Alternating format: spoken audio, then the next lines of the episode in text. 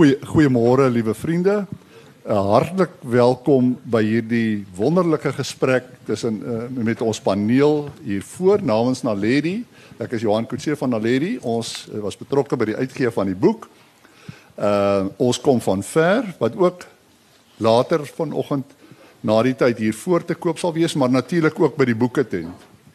Ehm uh, Die tyd is baie beperk, so ek gaan nie 'n lang bekendstelling doen nie. Ek het vir Michael ehm uh, gevra om die res van die paneel bekend te stel. Ek kan net noem dat dit vir ons en 'n groot voorreg is om die pad te geloop het met uh Prof Wannie Karstens. Hy is van die Universiteit van Potchefstroom.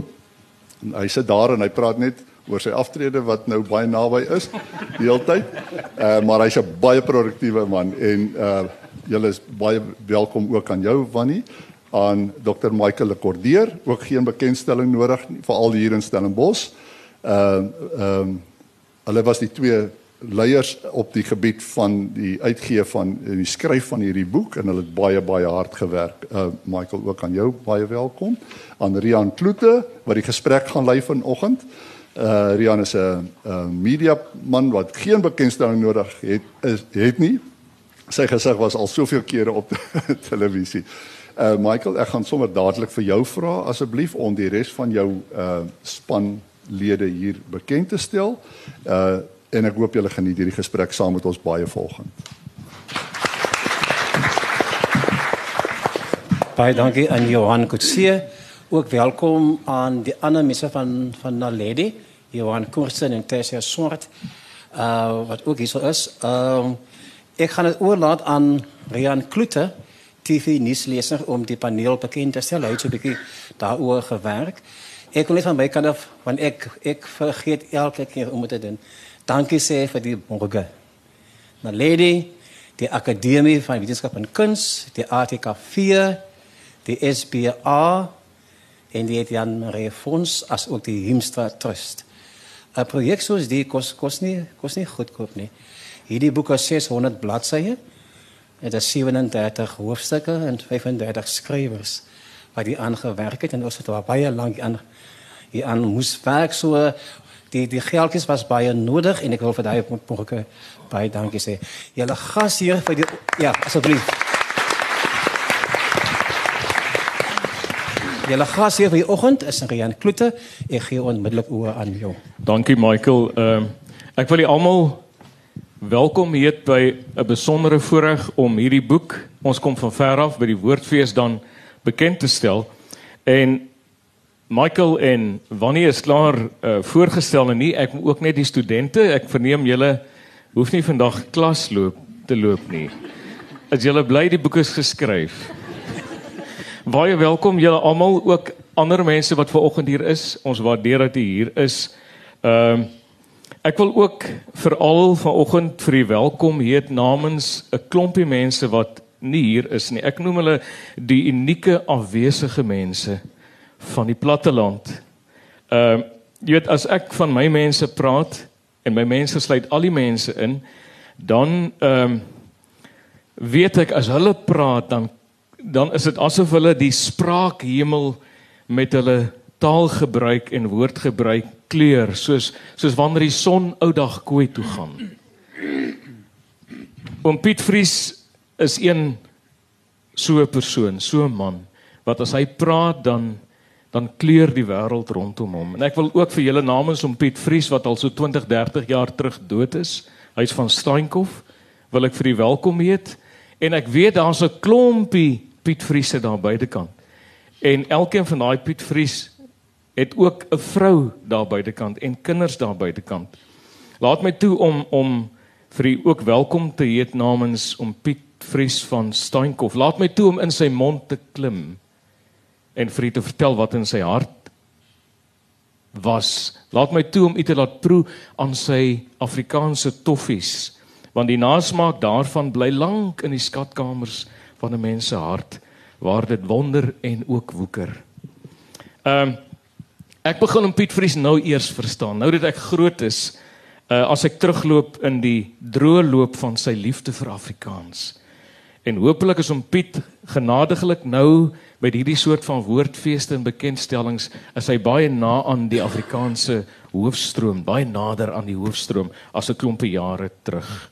Jy weet om Piet se Afrikaans is vir my as jy terugdink aan die pendeltuig wat ontplof het, daai ooring, die ou ring, om Piet is vir my die ou ring in Afrikaans. Ehm uh, een van Afrikaanse kaalvoetkinders wat Afrikaans bloots gery het en wie se kinders dit steeds so ry. Dan laat ek vir julle die storie van hom Piet baie kortliks vertel. Ek was sommer 'n klein seun toe ek in die koöperasie op Steenkof waar ons negosieware gekoop het. Maar het vir my een oggend gestuur en ek staan toe daar by die toonbank want jy kon nog nie selfdiens doen nie. Ek staan by die toonbank en hom Piet kom daar in en die eerste ding wat hom Piet vra vir die dame agter die toonbank was 'n koekie sonlig seep. Ons het presies so gegiggel soos soos die mense nou hier. En die volgende ding wat om Piet vra is 'n blikkie gekondenseerde melk. Ons was doodstil. Want ons het gewonder wat vra om Piet, wat is dit totdat iemand dank Vader gesê het, is dit om is dit kondensmelk oom Piet? En om Piet net skugter gekyk het en sy derde item gekoop het gee vir my 'n pakkie sonopkomende toffies.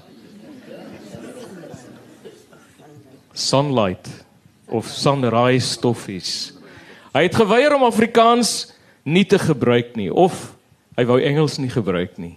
En of dit nou 'n 'n naam van 'n van 'n artikel was of wat ook al om Piet het dit Afrikaans gemaak. Ek het dit toe nie verstaan nie. Niemand het dit verstaan nie.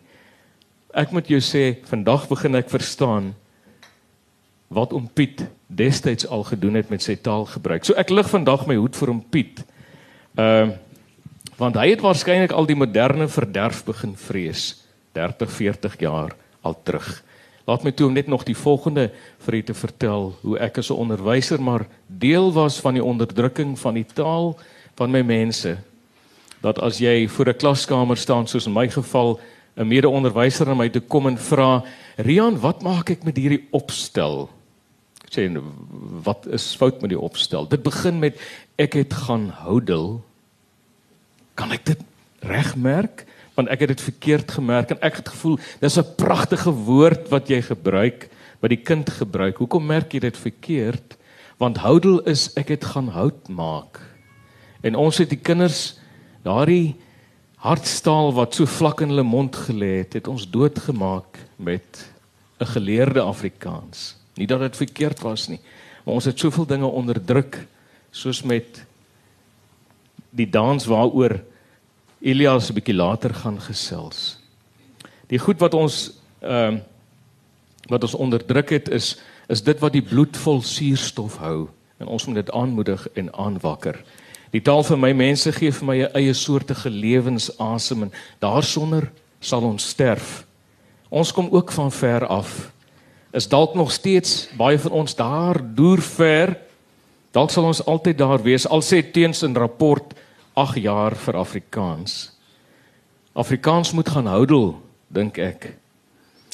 En dit daardie hout moet hulle gaan uitdeel aan die oningeligte arrogantes Hulle moet dit vir daai mense gee sodat hulle hulle kan dood eet aan dit wat uit die taal kom, uit die taalmond uitkom.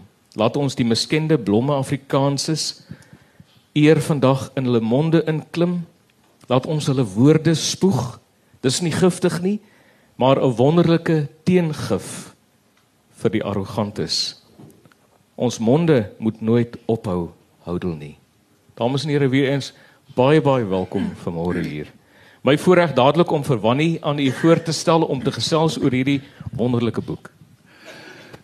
Dankie Rian. Uh vriende, dankie dat julle so is. Ek wil net baie vinnig die agtergrond gee. Mense vra baie keer hoekom het ek hier betrokke geraak. Ek is hier aan die einde van my loopbaan wat ek nou gesê het van tree nou af. So as iemand my werk het volgende jaar, kom praat met my.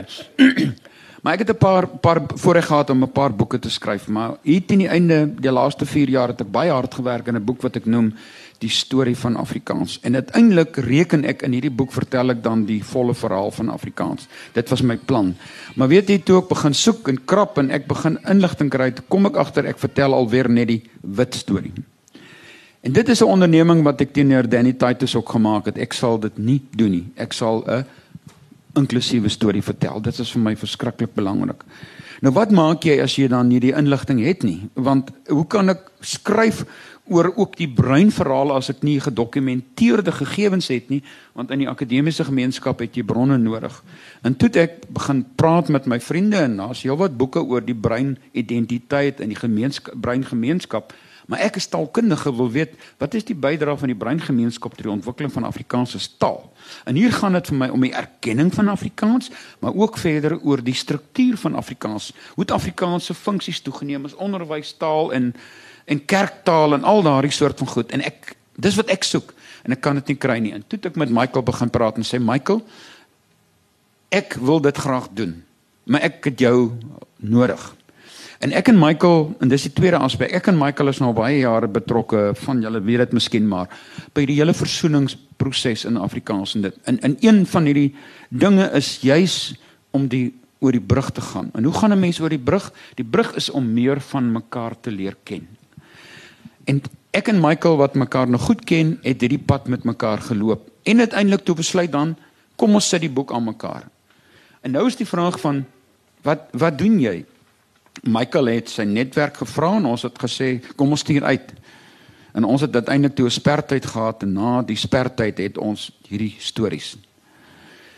En toe ons met die stories begin werk want dit is die taak wat ek op my geneem het is om die stories te vat en te verwerk dat dit in 'n koherente uh, eenvormige manier aangebied word dat dit 'n mooi boek maak. Het ek by tye die uh, intense persoonlike ervaring gehad van verlies en pyn in dit wat daarmee gepaard gaan. Dit is ongelooflik om dit mee te maak. En ek weet hoeveel aande wat ek sit en huil het in my studeerkamer oor wat ons gedoen het aan mekaar. En die voorreg uiteindelik om die boek saam te stel. En hier het ons die boek. Hier is hy uit. Die mense lees hom. Ek en Michael kan nie glo. Ek vra Edwina vra nou net vir my. Het jy dit voorsien? Ek sê nee Edwina. Ons wou graag die stories boekstel sodat ek as my eie akademiese manier iets kan kry wat ek akademies kan benut. En die bonus is ongelooflik. En daarom wil ek julle vra om die boek te gaan lees en vir ons terugvoer te gee. Want ons weet hierdie is nie die einde van die proses nie. Daar's 'n tweede en 'n derde boek wat moet kom. En as hier borge is wat sê ek het vir julle 'n klompie geld vir die boek, moenie huiwer om vir ons dit ook te kom sê nie, want ons ons moet dit doen want soos Michael sê dit kos geld en Johan se kostes moet betaal word. Maar dit is my storie. My storie is die storie van iemand wat graag 'n verskil wou maak uit 'n akademiese hoek om seker te maak dat die volle storie van Afrikaans vertel word. Ek is teen die einde van my loopbaan en ek weet ek gaan nie die voorreg hê om uiteindelik die volle verhaal te vertel nie. Want die verhaal is nog nie klaar vertel nie. Hy kry nou 'n dimensie. En iemand gaan na my kom en wat die werk wat ek gedoen het verder neem en die storie finaal vertel. Dit is wat ek graag met die boek wil doen en om hierdie rede is ek intens intens tevrede en opgewonde wat ons hier reg gekry het. So dankie dat julle kom luister het en dankie dat julle ook leer van die emosie wat dit vir ons meegebring het. Geef vir 'n ander klap dames en here.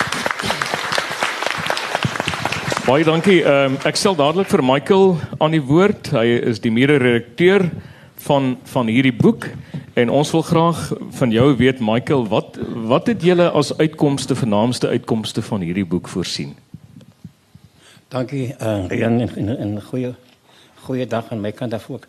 Ehm um, eerstens ek het nou nagelaat ek sien hier's twee gaste hier in die gehoor. Ek wil hulle tog net verwelkom. Guido van den Berg, 'n vriend van my van van Den Haag uh, in in Nederland, Guido. Amsterdam. Amsterdam. Amsterdam. Uh, Guido praat uh, Nederlands, maar sy Afrikaans is net so goed, so hy verstaan as ons net bietjie stadig gaan. Langsom sit ons kollega van die Suid-Afrika huis ook in Amsterdam, Dr. Jan Donner. Lekker om te weten dat als mensen van OC wat, wat, wat komen om naar ons te komen luisteren. Hier voor zit dan iemand van mij, wat ik denk, ze is een mentor. Allemaal wat Afrikaans gestudeerd. Ken die dichter Lina Spies. Professor Spies heeft gisteren verjaard. Ze is 78. Lina, wel je Michael Mens doen nie dit nie. op my oude uh, uh ons is, is is goed genoeg bevriend dat ek dit maar, maar kan sê. Maar sien julle saam, sy lyk fantasties vir 78. Oh. Ongelooflik. En en en dames en here, kyk kyk bietjie rond. Sy uh stel ook 'n bundel, 'n nuwe bundel bekend by die Woordfees. Hou julle ore daarvoor oop. Wilina, wanneer is dit? Goed, donderdagoggend. Dames en here, hier is er van ons ander skrywers ook en maar ek, ek gaan nou by by hulle kom. Soos wanneer gesê het dit was nodig geweest om die volle verhaal van Afrikaans te vertel en my studente sal weet ons probeer om met behulp van taal versoening te skep en dit probeer om verhoudinge te heel. So alhoewel ons skrywers uitgegaan het vanuit 'n standpunt dat hulle skryf oor 'n stuk pyn en oor 'n stuk hartseer, was dit my en Wannie se taak as redakteurs om seker te maak dat daar aan die einde wat moes hulle vir ons 'n vooruitsig gee van 'n nuwe Suid-Afrika, 'n nuwe toekoms en 'n nuwe vorm van nasiebou want want ons ons ons wou nie net vir mense sê wat het bruin mense bygedra tot Afrikaans nie. Ons wou ook vir hulle sê maar weet jy wat? Ons het seer gehad. Ons het dit verwerk en ons kyk nou vorentoe. Ons is bereid om saam hier aan te werk. Ek in my klasse was was Vrydag aand by die Adam Small produksie kol laat ons sing. En en ek ek was ek, ek was taamlik gegooi geweest omdat my studente absoluut opgegaan het in die produksie. Hulle so ingeleef het. Ek het gesien van julle het ook gedans saam met Tribal Echo. Ehm um, want want Afrikaans kan ook dans. Jy kan Afrikaans ook sing en en jy kan nie net uh, versoening wees nie. En ek dink 'n mens ons wou met hierdie boek praat oor die pyn en die hartseer, maar ons wou ook vir mense wys hoe kan ons daarby verbykyk. Uh ek stem saam met wanneer ons ons is glad nie negatief nie. Ehm um, solank daar soveel solank dat daar 'n Oom Pieters van der Makoland en solank daar 'n Patrick Mittler is van die Noord-Kaap en Archie Vergotini wat ook hier so sit in Basel May en die mense hier voor wat julle nou gaan ontmoet dan kom jy agter hoe diep lê Afrikaans. Nou, ek dink ons is, is ons is soms maak ons onsself skuldig dat ons ons ons ons verval so in 'n groef van wat gaan met Afrikaans word op onderwysgebied dat ons ons bietjie fokus verloor het. Toe ek en Wannie ons het so 'n geweldige aanvraag gehad, ons moes die dinge toemaak en toe ons die inhoud gaan ontleed, toe sien ons dat die inhoud val toe vir ons uit in 10 kategorieë. En dit het nog gegaan van die ekonomie, die onderwys, die politiek, die media, sport, kultuur, selfs skoonheidskompetisies. Ehm um, en toe kom ons kom ons agter en dit is wat ons met die boek wil sê dat Afrikaans lewe in die harte van elke aspek van mense se se lewens spesifiek van bruin mense se lewens. Dit gaan nie net oor onderwys nie. Afrikaans is ook 'n kerktaal. Dis die taal waarin mense gaan katkeseer, dis die taal waarin mense in plaatjies Sondag die gemeentes probeer op die pad uh, uh, uh, die pad aanwys. Dis die taal waarin die Kaapse klop se sing, Dis die taal waar aan die kristante vereniging hulle notules hou. Dis die taal waar aan die sportmense op die veld met mekaar stoei en en en baklei maar agterna ook saam kuier in Afrikaans. Aanvanklik wou ek die boek genoem het een groot familie. Want hoe meer ek met die boek te maak gehad het, hoe meer dit het ek agtergekom. Maar weet jy wat? Afgesien dat ons dieselfde vanne deel, het ons ook op 'n stadium na dieselfde kerk gegaan. Vir dieselfde klap gespeel aan dieselfde kerkkoor behoort. Aan dieselfde blomme vereniging behoort op ons in Wellington. En op 'n baie vreemde wyse het hierdie familie uitmekaar geval weens ongelukkige insidente in die verlede, soos in 1950 toe breinmense uit die parlement uit uitgesit is. Soos in 1994 toe daar 'n opnuide herklassifikasie van mense geword het. En dan begin 'n mens besef, nou hoe hoe maak jy met daai pyn? Want mense moet vorentoe gaan. En mense moet hulle self weer gaan vind. En jy kan dit net vind as jy begin skryf oor hierdie goed. Want daardeur vind jy uit maar wie uh dit kan ook gesond maak. Dit kan die gees heel weer maak. En ons het skrywers gekry en ag julle moet die boeke regtig gaan lees. Dr. Johan Kutsie, Gavin Daisy van IBK skrywe oor die langarm dans. John Diegard, hy is hier so vanaand. John, as jy net kan net kan staan asseblief vir ons. Asseblief, daar staan John. Hy's 'n musiekman, hy's 'n onderwysman en hy vertel wat hy deur hulle as eksaminator se koppe gegaan toe hulle met hierdie kinders se skrifte moes sit, maar hulle is in 1976, hulle is hulle is baie kan besig met opstande en hy sit met hulle skrifte. Ons het ons het mense gehad soos Henry Jeffries, die oud Koran redakteur wat ons gesê het, uiteindelik sit ek hier in die stoel van D.F. Malan. Llewellyn McMaster het ons vertel van die dae op EWK toe hulle moes vlug voor die veiligheidspolisie en hulle het 'n kode woord gehad en hy en hy kode hoe se naam was gewees hek toe. Basil May is 'n rektor gewees van 'n onderwyskollege. Basil, kan jy net opstaan vir my asseblief? Dan hier Basil May was 'n rektor van 'n onderwyskollege en hy skrywe van die pyn wat wat hy moes gaan toe Kader Asmal besluit ek gaan die onderwyskolleges sluit. En hy sê in sy boek 'n onreg is gepleeg teenoor 'n groot deel van mense wat op die platteland sit. En skielik moet hulle as hulle wil onderwyser word, moet hulle emigreer Stellenbosch toe of Kaapstad toe. En soveel mense is geleenthede onthou omdat politici nie baie kon verder dink nie. Konrad Sedego word rapport sy redakteur Maar lank voor daai en die wiener miskien ook na, na hom verwys want hulle het saamgewerk. Konrad Sedego vertel dat wanneer hy wou badkamer toe gaan, daar bo in Keelomstraat is is is die is die kantoor moes hy afstap na die parade toe vir 'n badkamer. Die badkamer bo in, in die gebou was nie vir hom ge, gewees nie. En dan Archie Bagotini, Archie kan kan opstaan asseblief.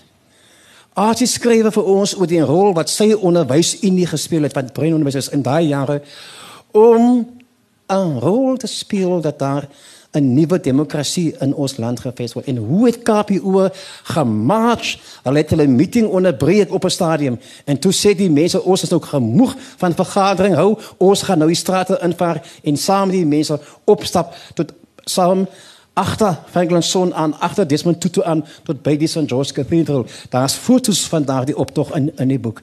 En hy vertel vir ons sy persoonlike storie. Patrick Metler van die Noordkaap. Patrick, waar is jy? Kan jy gou staan? Patrick Metler, na my mening, die beste wiskunde onderwyser in die land. Hy het vir my wiskunde gegee. Maar hierdie man skryf oor die worsteling wat hy gehad het met identiteit. Hy skryf oor die mense wat in sy klas was uh Charlene Sotin Richards het was was, was by hom in die klas gewees. Tyrone Pretorius bedag direkteur van IDK was by hom in die klas gewees. Maar ten spyte van geweldige min hulpbronne word hulle aktrises, professore en leiers op hulle eie persoonlike gebied. Ek wil nog net twee stories met u deel en dan ietsie oor Adam Small. Basil Kividu, sien jy vir vandag hierso nie. Basil vertel hy's vandag 'n diapolitikus.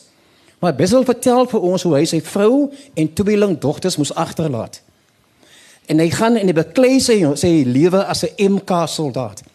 En dan sê hy die volgende ral aan. Hy sê ek is gearresteer in Afrikaans. Ek is gemartel in Afrikaans. Maar die Here weet ek het reg beklei in Afrikaans. Patrick uh, Charles Beeker skryf vir ons om 'n man met die naam van David Samai. Wie ken jy David Samai? Net net die ouer mense, die jong mense ken nie vir David Samai nie. In 1947 as as hy se seun van 18 wen hy die SA Ope vir die nie rassige sportlei tennis, tenniskampioenes. Hy was 18. Op 19 wen hy dit weer. Op 20 wen hy dit weer.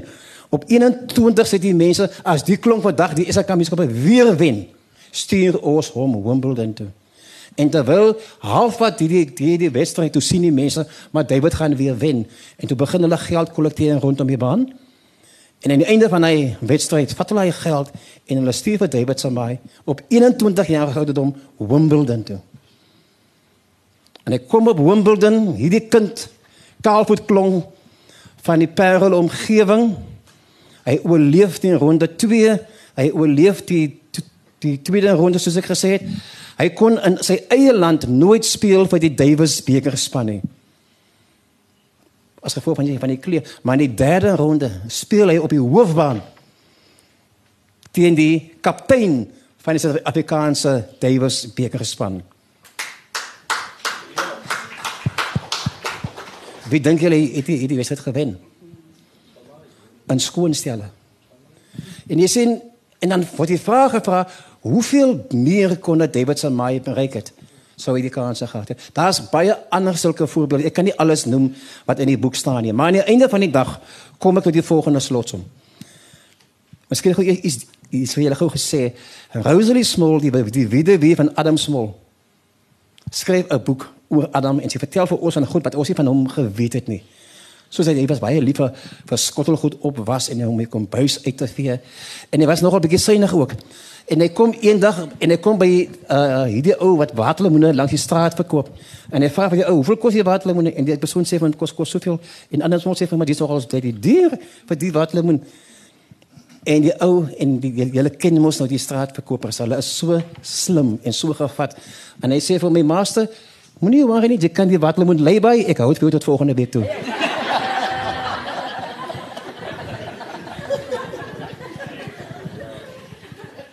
Aan die einde van die dag kom die skrywers uit die volgende slotsom.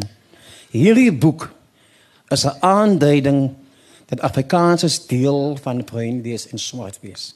Maar maar die boek dui ook aan dat ons is vasgebind aan ons wit taalgenote. Die boek slaag daaraan om die die die, die stelling dat bruin mense het niks te sê oor Afrikaans om daai stelling te weer lê. My persoonlike wens vir die boek is dit slaag weer daarin dat bruin mense kan weer trots wees op hulle taal. En dit is nogal 'n geringe prestasie nie. Dames en here baie dankie. Dankie Michael. Dames en here, ek wil graag ook dat ons genoeg tyd het om vrae te stel aan ons gehoor. So ek gaan die in die uh, bekendstelling van elkeen baie baie kort maak. Fatima hoofstuk 32 Fatima Ali praat van oosterse speserye wat 'n heerlike geur in Afrikaans gee. En Fatima, wil jy nie vir ons vertel eh, wat in julle kombuise gebeur nie en in waar taal ook in die kombuis begin het nie asseblief. Baie baie dankie. Ek voel baie dankbaar om vandag hier te sit. Baie dankie aan Dr. Lekordeer en Prof Vannie Kastens toe hulle vir my vra om my deel in hierdie fantastiese boek Ons kom van ver wees. Dit is 'n boek as jy die boek gaan lees, sal jy nie weer die boek wil toemaak nie totdat jy dit klaar gelees het. Ons kom van ver, want ons kom regtig van ver. My familieboom kom uit Indonesië, Maleisië en die Arabiese eilande. So as jy vir my aankyk, ek is fantasties. Ek het mooi vel, mooi oë, mooi hare. Ek is 'n mengelmoes van alles wat mooi is. My pa, my pa was 'n gebouman. Was gebore in die Boekap en ek was gebore in die Boekap. So as ons nou aan die Jaten gestaan het en ek staan op en ek kyk dan sien ek Tafelbaai. Op die linkerkant is die begrafplaas, die Tanabaru waar ons voorvaders lê. So ek as 'n kind het nooit geweet hoe belangrik ons geskiedenis is nie, hoe belangrik Afrikaans in ons lewens is nie, want I am an English speaking. English is my first language, excuse me, maar Afrikaans is my moedertaal. Hoekom is dit my moedertaal? Want as ek terugdink aan alles my groot word. My ouma grootjie, my oupa, my ma, my pa, my tantes. Ons het alles in Afrikaans gedoen. Ons het in Afrikaans geëet, gehuil, gelag en baklei in Afrikaans. En my pa het vir my gesê, my kind, as ek eendag vir jou in die hemel sien en daar is 'n plek vir jou nie, dan bou ek vir jou 'n plek. Nou hoe sê 'n mens dit in Engels in? Nou kom terug nou na die kombuis. Alles het in die kombuis in gebeur. Ons het 'n koolstoof gehad. Daar was niks van microwaves en fast foods nie. Alles het begin van scratch. Nou my kinders vra, "Maar hoe anders kook 'n mens but from scratch?" Jy sê ek nee, daar is baie easy ways, maar ons het groot geword met die ewe skil en die ewe sny, die tamatie skil en tamatie raspe en ons het nooit enige iets weggegooi nie. As ons waterlemoen eet en dan skil ons ons ons sny die groen af, maar die wit ons hou die wit, dan purk ons die wit, dan gooi ons dit in lime water in en dan kook ons dit met gemmer en naaltjies en suiker, dan word dit waterlemoen konfet. As ons praat van kosistes, kosistes benodig die nachi skil. Nou die nachi skil word nie weggegooi nie. Dit was sommer in die die warme van die koolstoof gesit en van vergeet. 'n Paar dae later, dan is dit lekker uitgedroog, dan vat mamma eisie dit dan sê sy nee nee nee nee, jy moet dit stamp, dan moet dit niks van elektriek uh, blenders nie. Dan moet ons met die stamp en die veesel stamp. Dit is hoe Afrikaans in ons huis gebeur het. So as ons praat nou van blatjang en pisang en piring en en kaparangs en labarangs dit kom van die Maleise Afrikaans af. So mense vra nou hoe het dit gebeur? Die wonderlike Dr. Ahmed Davids, hy het 'n tesis gedoen oor Afrikaans in die Boekap in maar Arabiese Afrikaans.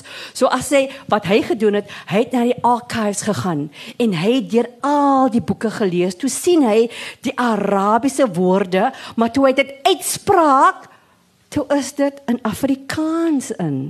En ons praat nou van die die 1800s o genade tog. So die Kaapse Maleise Afrikaans het so baie gebring na hierdie land toe. So as ons praat van 'n koei, ek praat van 'n koei, nee, in die skool was dit van 'n bed. Ek praat van 'n lepel, o nee, Fatima, dit is 'n lepel. Jy moet jou begin mooi praat en dit is nie van finie, jy is nie jy jy, jy moet jy moet mooi kan praat. Sê ek ja, maar mevrou, ek weet die lidwoord, die is 'n bepaalde lidwoord en 'n is 'n onbepaalde lidwoord. Ek ken dit, maar ek lyk soms om kwaai te wees want kwaai is nie is nie iets wat 'n mens vrees nie. Kwaai is iets wat 'n mens doen. So as ons nou teruggaan na die kombuis toe, ons het alles in die kombuis in gedoen. Die kos was gemaak in die kombuis in. Die geskellery was gemaak in die kombuis in. As as jy vloek kan jy nie in Engels in vloek nie. As jy lag, kan jy nie in Engels in lag nie. As jy 'n grap vertel, dit dit is net beter in Afrikaans, want Afrikaans as 'n mens nou terugdink, is 'n taal van ons hart. En as ek terugdink van my grootouers, dan onthou ek vir hulle in Afrikaans. So ek voel baie baie geëerd om deel van hierdie boek te wees, want as 'n mens nou die prent sien op die die die die cover van die boek waar die die Wyle Adam Small staan in distrik 6. Ek was gebore in die Bo-Kaap. Ek het skool geloop in distrik 6 by George Golding Primary School en weer Harold Christie Hoërskool. Ek het gewoon in Wome Estate in. Ek is deel van hier. Ek is deel van ons kom ver. Ons kom van ver en Afrikaans is my taal. Dit is die taal van my moeder. Dit is my harttaal en ek is baie baie lief vir Afrikaans. Baie baie dankie. Dankie uh, Fatima. Ek gaan dadelik ons volgende spreker aan die bekendstel Edwina Goff. Nou as Michael na Edwina toe lyk dan is jy reg. Hulle is familie inderdaad broer en suster. Nou in 1980 Edwina pragtig op die voorblad van Extra het ek jou vir die eerste keer gesien. So sy het ook 'n geskiedenis van van pyn in Afrikaans. Edwina, vertel vir ons daarvan. Ja, dankie Rian en dankie vir almal wat vir my hierdie geleentheid gee. Dankie vir julle almal wat hier is en ehm um, as ek mag, vlugtig, dankie vir ons ouers, my en Michael se ouers se daaroor kant. Ehm um, dankie vir julle bydrae wat vir ons geleer het in Afrikaans. Ehm um, ja, wat Rian net vir julle sê nie is dat Rian het vir my die eerste keer in 'n baie kostuum gesien, maar ek weet nie miskien Hy sê sê jy onthou vir my, ek wonder wat hy onthou, maar ja. Ehm um, 1980, 1980 was ons op EWK. Ehm um, ek het 'n jonger sussie, ehm um, haar naam is Jessica en sy het die dag toe ek in die koran verskyn toe verskyn Jessica saam met my. My ouers het ons altyd geleer daar is gelyke regte, gelyke geleenthede vir almal. Geen onderskeid gemaak nie. Ons was ses kinders en as my ma een kind inskryf, dan skryf sy almal in. Of jy nou seun is of jy nou dogter is, as julle almal gaan ingeskryf word vir ehm um, padrails kompetisie, word julle almal ingeskryf. Een van julle gaan wen. so, so my ouers is kan nie dood ouers en hulle hulle staan vol vol hart agter hulle kinders en ja, dankie Here vir dit. 1980 ook. Ehm um, op EWK gekom en uh, daar is baie skrywers in die boek wat al die politieke, die kulturele en en verskillende agtergronde agtergronde skets omtrent 1980s, die vroeë 80s, laat 70s en so voort. Maar ek gaan dan nou spesifiek praat oor die ervaring wat ek in 1980 gehad het. Die agtergrond van 1980 in Juffrou Afrika Suid was dat in 1978 is die Juffrou Suid-Afrika onder die Juffrou Suid-Afrika onder druk gekom in die wêreld op die wêreldplatform. Wat gebeur het en wat baie van die jong mense van Michael se studente hier nie sal weet nie, is dat in daai jare was dit glad nie ongewoon dat Suid-Afrika twee dames in die wêreldkompetisie het nie. Twee goeders wat twee geleenthede wat ek kan onthou, Annelien Kriel en Evelyn Williams het saam in die top beland. En dit is toe dat mense begin besef dat die wêreld besef wat gaan hier aan. Juffrou Afrika Suid, die nie raad uh, veelkleurige nie wit persoon en dan die Juffrou Suid-Afrika was die wit persoon wat deur die ander koerant ingeskryf was en albei beland in die, in in die top 10. Twee keer het ons daai situasie gehad wat albei in die top 10 beland en toe begin die ander dames uh, natuurlik, jy weet, dis 'n skoonheidskompetisie, jy weet, hulle nogal naals. En dit is waar die druk begin het, nie op die politieke vlak nie glad nie op die politieke vlak nie. So wat gebeur het in 1978 was die druk groot in die Juffrou Wêreld kompetisie en in die Juffrou Heelal kompetisie en die Juffrou Suid-Afrika was uitgeskop gewees uit die Juffrou Wêreld kompetisie. Die gevolg van dit was dat die rapport het die Juffrou Suid-Afrika omskep na die Juffrou wat deur die Juffrou Afrika suid geword het, maar omdat hulle die borg was, het hulle dit Juffrou rapport genoem. En die Juffrou Suid-Afrika was toe deur die Sunday Times op daai stadium geborg. So net so vinnig geskets in terme van die agtergrond. Wat is die gevolg daarvan? Die gevolg daarvan was dat die twee persone heeltemal 'n verskillende ervaring gehad het in terme van wat jy aan blootgestel word, jou borge, jou reisgeleenthede en almal daai daai tipe goed. Die verskil met my was dat ek het nooit gekies om 'n juffrou Afrika suid te word nie. My ma het gekies. Dis haar skuld. Sy het gekies. Wat het ek vir hulle gesê as daar 'n geleentheid is? Julle almal gaan. Ons is twee susters het ons albei ingeskryf. Ek ek was daai stadium was ek eerste jaar universiteit. Ek was eerste jaar op EWK, Michael is al 'n paar jaar voor my. En soos julle weet by dit het dit is nou geskiedenis wat in 1980 gebeur het. So met die gevolg is ek moet alles in my vermoë doen om uit die koerant uit te bly want ek moet maandagooggend in die klas insit waar ons enige tyd van die dag skree hek toe manne hek toe. Dan kan ek nie met hoek skoene hek toe nie. So dit is dit dit was 'n dit vir my was 'n interessante ervaring en 'n heeltemal ander ander perspektief in terme van die politiek en in terme van wat ons moes deurgaan in die drukking en die verlies van lewe en die verlies van geleenthede, die verlies van vreugde en ervaring.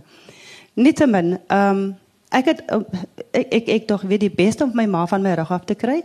Gee foto, gaan praat met die koerantmense. My sussie is ek is seker sy sal dit sal dit doen. So dit is 'n rol wat op daai stadium is dit ek ek ek wil amper nie sê 'n rol nie. Ek wil sê dit is 'n roeping en dit is 'n geleentheid wat vir my gekies het daai jaar wat ek nie verstaan het op daai stadium nie. Ek het eers veel later in my lewe het ek verstaan wat daar gebeur het en het ek die waarde het ek verstaan wat daar gebeur het. Ehm um, en ek van die goed het ek neergeskryf in die boeke in, uh, in die geleentheid wat ek gekry het. So wat vir my, wat is 'n skoonheidskoningin? Skoonheidskoningin is nie iets wat ek gekies het nie. Dis omtrent 'n roeping wat vir my gekies het omdat ek op EWK wil wees. Ek wil soos professor Wami Karsten wees. Dit is 'n geleentheid en ek het dis wat ek gesien het. Dis waarna toe ek wil gaan. Die Here het anders besluit vir my. Ehm um, en dit is reg so, my ervaring was nooit 'n negatiewe ervaring nie. My ervaring was 'n ervaring dat wat ek ook al doen, word ek ondersteun deur ouers, deur broers en susters. Niks is te groot, niks is te veel, niks is te swaar nie. As jy een deur toe gaan, gaan jy deur, jy gaan na die volgende deur toe. As jy een struikelblok te groot te, te groot is of te moeilik is, jy gaan om dit en jy gaan deur, jy gaan verder in die pad en af. Dit is hoe die lewe gelei was, eenvoudig. Jy gaan voort en jy gaan aan. Wat is die volgende die, die doel wat op jou pad? En dit is wat ek geleer was as kind. Nou agtergrond. My ouers se agtergrond en ons agtergrond is die NG Sending Kerk. Dis 'n Afrikaanse agtergrond. Dis 'n beginselvaste agtergrond. Dis 'n agtergrond dat niks is te moeilik nie. Jy gaan voort môreoggend, jy staan op en jy gaan terug skool toe môreoggend. Michael en ek was saam op skool. Michael was 'n jaar voor my. Skool het afgebrand 1976. Volgende oggend gaan ou Michael ek deur inspekteer kan nie ons die skool gaan of kan ons die skool gaan nie. Kom terug huis toe, julle gaan skool toe. Klaar. Julle gaan skool toe. Ja, so daar's baie daar's mense wat skryf in die boek oor daai geleenthede. So dit gee heeltemal 'n ander perspektief van hoe om die lewe by die horings te vat en deur te stap na jou volgende doelwit toe. En ek wil regtig waarvan die jong mense vandag hier wil ek bemoedig en sê stap aan. Neem die volgende tree maak as ook wat in julle pad kom nie. So vir my is koningskoningin is ehm um, ek weet nie wie is die kennis die die die ehm um, die kennis op hierdie gebied nie en en wie is die mense wat sulke besluite neem nie. Maar wat maak van my 'n koningskoningin en nie vir Fatima nie?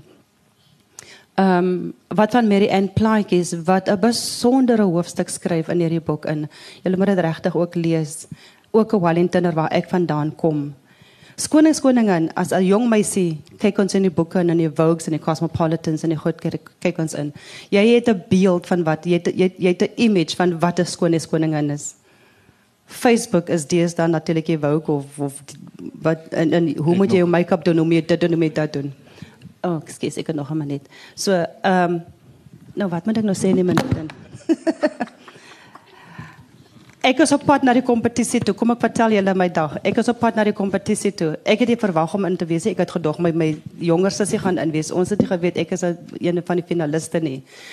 Ek het niks klaar gemaak nie. Ek rebelleer. Ek wil nie hierdie ding wees. Ek wil professor wees. Verstaan julle dan nou wat ek wil doen nie? Ehm um, so ek rebelleer. Ek trek nie wit rok aan, ek trek 'n swart rok aan. Ek is 'n student, skus mense. Ek was mos nog eerste jaar, so. En ek is op pad toe die dag voor die tyd besef ek nou is ek onder druk. Wat gebeur? Ek neem my ma se pons cream, van julle weet jy 'n klou wat dit is nie. Ek neem my ma se pons cream en ek het die gesig geroom nie. Ek vat Michael se HB potlood, die dikste een om vir my oë hare in te teken. En ek vat en ek vat my suster se se lipstifie. Sy was baie lief vir lipstifie.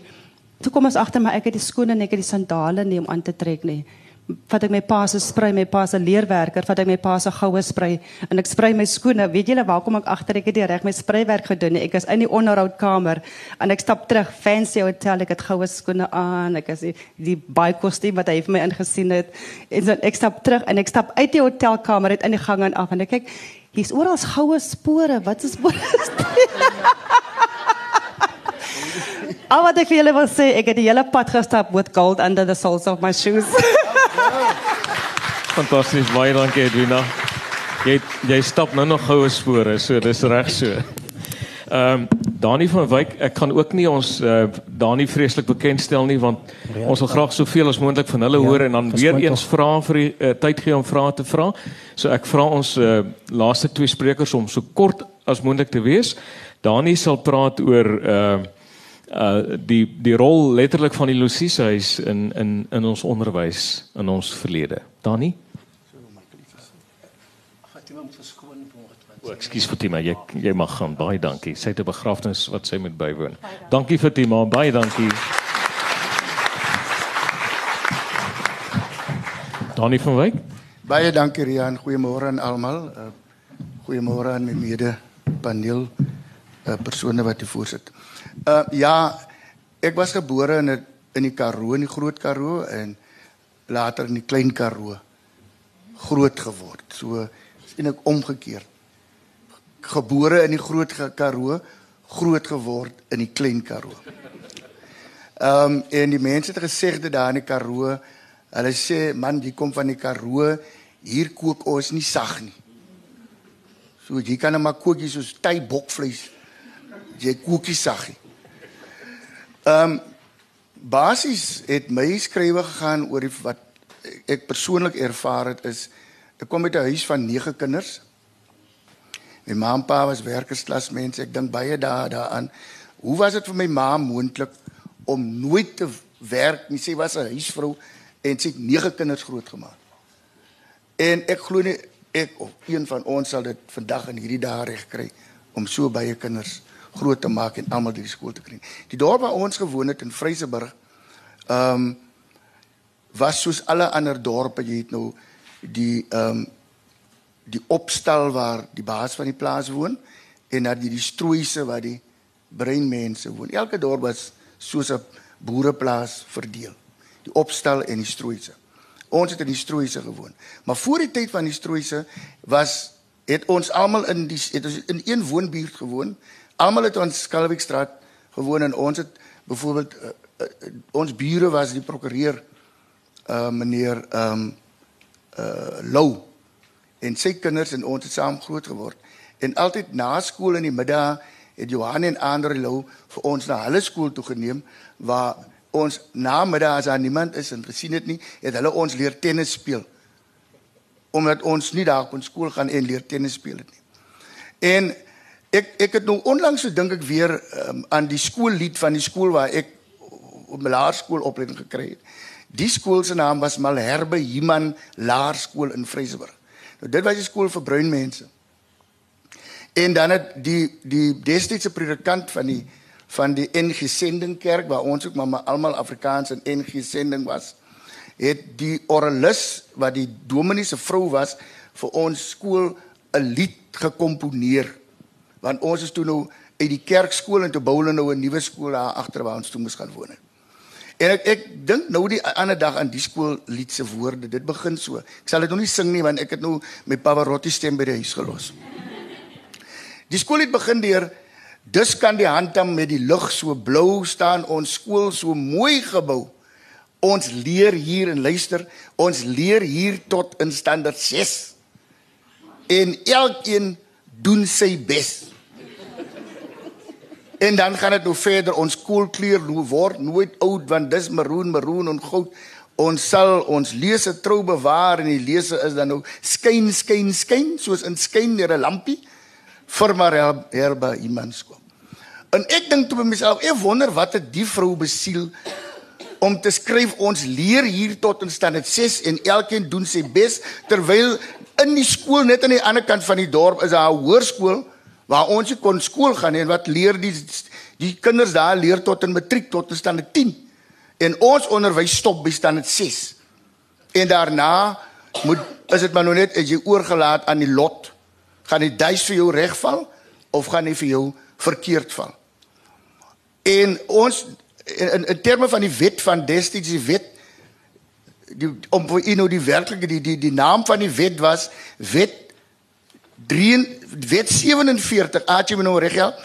Wet 47 van 1963 dubbelpunt die wet op kleurling onderwys daarom haat ek hy woord kleurling tot vandag toe nog. En daai wet het bepaal dat jy moet as jy hoërskool toe gaan moet jy tot dan moet jy na die naaste hoërskool vir kleurlinge gaan. En baie van die Karoo dorpe het nie hoërskole gehad nie. Vryburg, Lockston, Sutherland, Williston, allei dorpe in die Karoo. Ons naaste hoërskool was Hoërskool Bastiaanse op Beaufortwes. Nou as jy nou een van die gelukkiges was wat nou kon hoërskool toe gaan, as jy by Bastiaanse hoërskool kom, dan was daar nie 'n kossies nie. So wat nou oorbly is, julle moet nou loseer. Hulle is nou aangewese op die welwillendheid van daai bruin gemeenskap in die dorp. En nou kom ons almal by die prinsipaal se huis bymekaar en daarvandaan word julle nou versprei en uitgedeel. Jy gaan woon by Antie so en so. Uh, Lina, ek sal nou nie sê tannie nie hoor. jy gaan woon by Antie so en so of by oompie so en so en dan is ons nou uitgeplaas en ek wil vir u vandag sê, daai losies ouers was soos ons eie ouers. Hulle het ons as hul kinders aanvaar en byna soort van aangeneem. Ehm um, daar was nie onderskeid gemaak tussen die kinders van die Lucies ouers en ons wat daar loseer het nie. En dit wil ek vandag sê ek, ek bring eintlik hulde ook aan hulle in daai boek vir wat hulle vir ons beteken het en wat hulle vir ons gedoen het wat as totale vreemdelinge daaraan gekom het Michael en, en Edwina sal weet waarvan ek praat want hulle ouers het ook Crusaders ingeneem in Wellington Nou as jy nou klaar is met hoërskool dan moet jy nou maar kyk hoe aan jy wil universiteit toe gaan dan uh, en jy's ook weer die lot val ook weer en, en, en alles is weer mooi vir jou die duis val reg dan kom jy op universiteit en nie wil ek spesifiek praat van Stellenbosch Universiteit As jy 'n kursus anders wil gaan studeer het as wat nie by IWK aangebied het nie, aangebied was nie, dan moes jy aanvanklik aangedoen het aansoek gedoen het vir 'n permit, maar hier nie by Universiteit Kaapstad. Want die universiteit se deure was toe. Was amper soos met toegeswys vir bruin Afrikaans sprekende mense. En dis waarom ek in die geveg betrokke is by die kampus dat Afrikaans by die kampus vir almal toeganklik moet wees. En as jy nou hier kom en ek wil hier ook praat van wat ek ervaar het my my jonger broer, hy het medies kom studeer op die kampus toe. Hy nou hier kom toe ehm um, kon hulle nommer 1 nie in die kossiese woon nie. So alles word weer herhaal van wat jy ervaar het op hoërskool. Hy moet nou weer gaan loseer en hier is baie mense, bruin mense in die dorp wat ook weer hulle deure oopgemaak het vir studente wat aan die kampus kom studeer het. My eie tannie hier onder in Destraat nommer 10 uh, in in in hier in Idas Vallei. Sy het studente ingeneem. En die studente het na haar huis ver, verwys na die nie blanke koshuis van die Universiteit van Stellenbosch. En so kan ek voortgaan en vir u sê dat as gevolg van daai tipe probleme wat op ons op die pad moes ervaar het, dan moet mense nie vandag vra, maar waarom is die geletterdheidsyfer so laag onder breinmense nie? Dis nog deel van die van die nalatenskap van apartheid. Apartheidsonderwys. Waarom is daar so lae persentasie van bruin studente aan universiteite? Dit's 'n nalatenskap van apartheid. En dis 'n berg wat ons moet klim, ek glo ons gaan bo uitkom, Michael en ander. Met die hulp natuurlik van ander. En ek kan sê in my lewe moes ek noodgedwonge van ander mense gebruik maak wat ons ondersteun het en ons van hulp voorsien het sodat ons ook uiteindelik die kruin van die berg kon bereik het. So dit is basies waaroor ek skryf in die boek. Ons is nie verbitterd oor wat met ons gebeur het nie. Ons wil net hê mense moet verstaan. En ek dink miskien met die kampus het ook 'n 'n 'n 'n waarheids- en versoeningskommissie nodig. Want dit lyk my hulle vee alles net onder die tafel in En vandag wil hulle praat asof alles by die kampus nog norm, normaal was, soos dit maar nou al die jare was. Dit was nie normaal die Stellenbosch Universiteit. Kom, plaas alles op die tafel en vra vir ons mense om verskoning. Dankie. Dankie Dani. Dankie Dani. Uh ek stel ook vir Elias Nel, elkeen van die verhale is in die boek, so ek gaan dit nie uh vir u lees nie. Elias ehm um, Ja, ek wil eintlik vir Elias gevra het om eers 'n reel dans te doen, maar die tyd laat ons nou nie toe nie. Nou Elias in Namakland waar ek vandaan kom, hy's getroud met 'n vrou van 'n babie en ek is in Steenkop so baie na aan mekaar twee dorpe. In in in Steenkop het ons gepraat van Kabera. Ah, so hy ken die storie. Laat ek vir u kenstel en voorstel aan Elias Pinel. Uh ja, Rian en gaste. Ek is gebore in 'n gemeenskap waar Afrikaans die eerste maar ook die enigste taal is. Dis is was dit nie snaaks dat die reel dans uh as 'n Afrikaanse kultuuruiting beoefen is nie. Uh voorheen was die reel die dans van die plaaswerker, jou karretjie mense, skaapskeerders. Maar nadat die ATKV kompetisie in 2006 begin het, is daai situasie heeltemal omgekeer. Ons het nou mense uit alle sfere van die samelewing wat deel is van hierdie uh, ontwikkeling en hierdie terugeis van 'n vergete kultuur uiting. Uh baie mense vra vir my met so 'n trekkie, neustrekkie asof hulle iets ryk, maar wat soek jy reël dan nou in die boek aan aan Adam Small? Daar's duidelike parallelle te trek tussen die geskiedenis van die reël en Adam Small se kaps.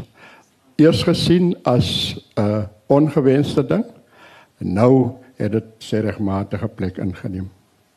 So skaaps misken is, so was die reël ook misken en vandag is dit erken en ons dans die wêreld vol.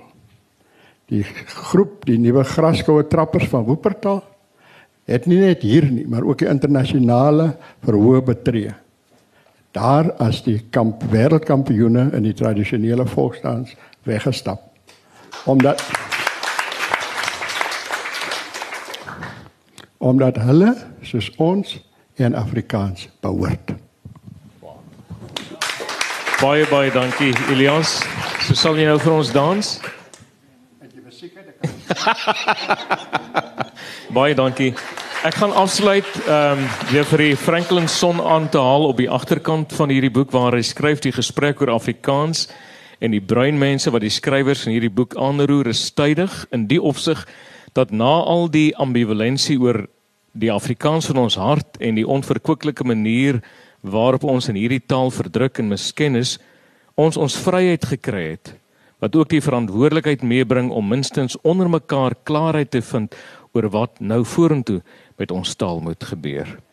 Die boek is beskikbaar net hierna wanneer jy wil net 'n laaste woord dan sê. Vriende, uh, hierdie boek is nou hier. En as jy na die inhoud en die stories kyk, moet hierdie stories vertel word. My uitdaging is volgende jaar dat ons een bedrywe het, dat ons toneelstukke het waarin ons die stories verder vertel en nog gaan soek en oopmaak. Baie baie dankie. Ehm um, weer eens baie dankie vir ons borge. Ons tyd het uitgeloop. Baie dankie aan Michael en baie dankie aan Wannie en baie dankie dat jy vandag gekom het. Neem neem dit saam en laat Afrikaans houdel asseblief.